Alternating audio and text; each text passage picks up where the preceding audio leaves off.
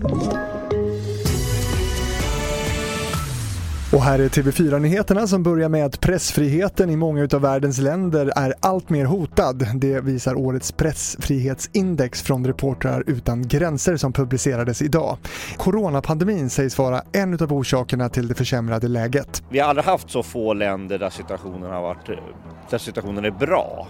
Vi ser också i Östeuropa och Centraleuropa hur Ungern, Polen, Ryssland, Belarus är länder där, där situationen för journalister blir allt mer allvarlig. Det sa Erik Halkkärri som är ordförande för Reportrar utan gränser. Snart kan snabbtest för covid-19 börja säljas på svenska apotek. Hittills har den så kallade CE-märkningen satt käppar i hjulet, men enligt Dagens Medicin så har nu Läkemedelsverket beviljat ett sydkoreanskt bolag dispens och enligt tidningen uppger myndigheten att fler dispenser kan komma utfärdas i veckan. Och så avslutar jag med att intresset för att hyra stuga på hemmaplan ser ut att slå rekord i sommar. TV4-nyheterna har varit i kontakt med flera av de största bokningssajterna och det är i stort sett fullbokat redan och att tappet av utländska gäster vägs upp av att allt fler svenskar vill semestra i Sverige. TV4-nyheterna med Fredrik Rahlstrand.